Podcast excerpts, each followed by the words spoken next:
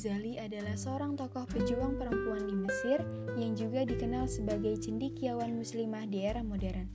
Beliau lahir pada tanggal 2 Januari 1917 Masehi atau 1335 Hijriah. Zainab ibarat singa bagi kaum muslimah Mesir. Keteguhannya dalam berdakwah sangat luar biasa. Beliau banyak mengambil ilmu dari para mufti Al-Azhar. Saat masih berusia muda, beliau melakukan pencarian kebenaran. Beliau pernah bergabung dengan gerakan feminis Mesir dan sempat melepas hijabnya. Zainab pada saat itu hanya memakai penutup kepala dan mulai menyuarakan feminisme. Hubungannya dengan para gurunya di Al-Azhar pun sempat renggang, hingga suatu ketika ia ditimpa musibah di rumahnya. Saat sakit mendera, beliau berazam akan kembali meneguhkan diri dalam jalan Islam.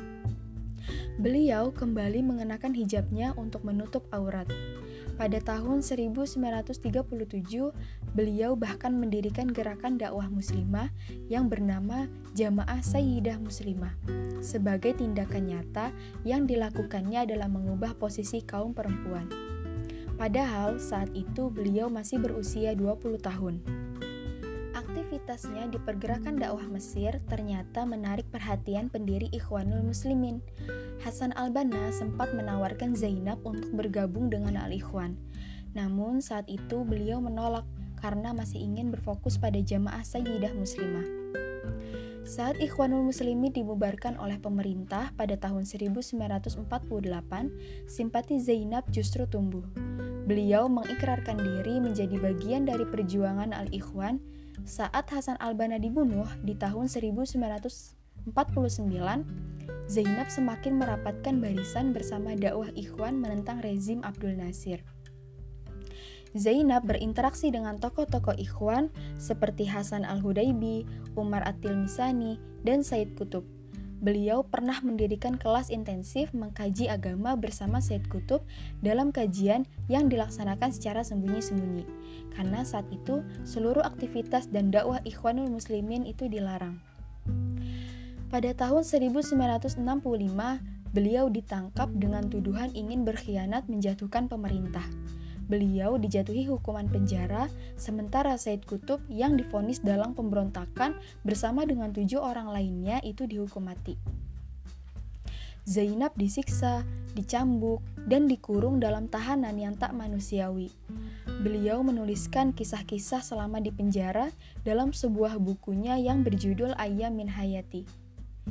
Dalam sebuah episode penyiksaan, beliau menulis, Aku dimasukkan dalam sebuah ruangan dan lampu begitu terang. Ruangan itu penuh dengan anjing. Jumlahnya sangat banyak hingga tak terhitung. Aku pun takut, ku pejamkan mata dan meletakkan tangan di dada. Dalam hitungan detik, anjing-anjing itu mengeram dan mengerumuniku. Aku bisa merasakan gemertak gigi mereka menyobek bajuku. Aku hanya mengepalkan tangan dan mulai menyebut, "Ya Allah, ya Allah, Aku mengira pasti banyak darah keluar dari tubuhku. Tetapi luar biasa, tidak ada noda darah di bajuku, seolah-olah anjing-anjing itu tidak pernah ada di dalam ruangan. Beberapa karomah lainnya pun telah beliau dapatkan selama di penjara. Bahkan dikatakan bahwa beliau itu telah memimpikan Rasulullah sebanyak empat kali. Segala macam deraan saat di penjara tidak menyurutkan semangatnya dalam berdakwah.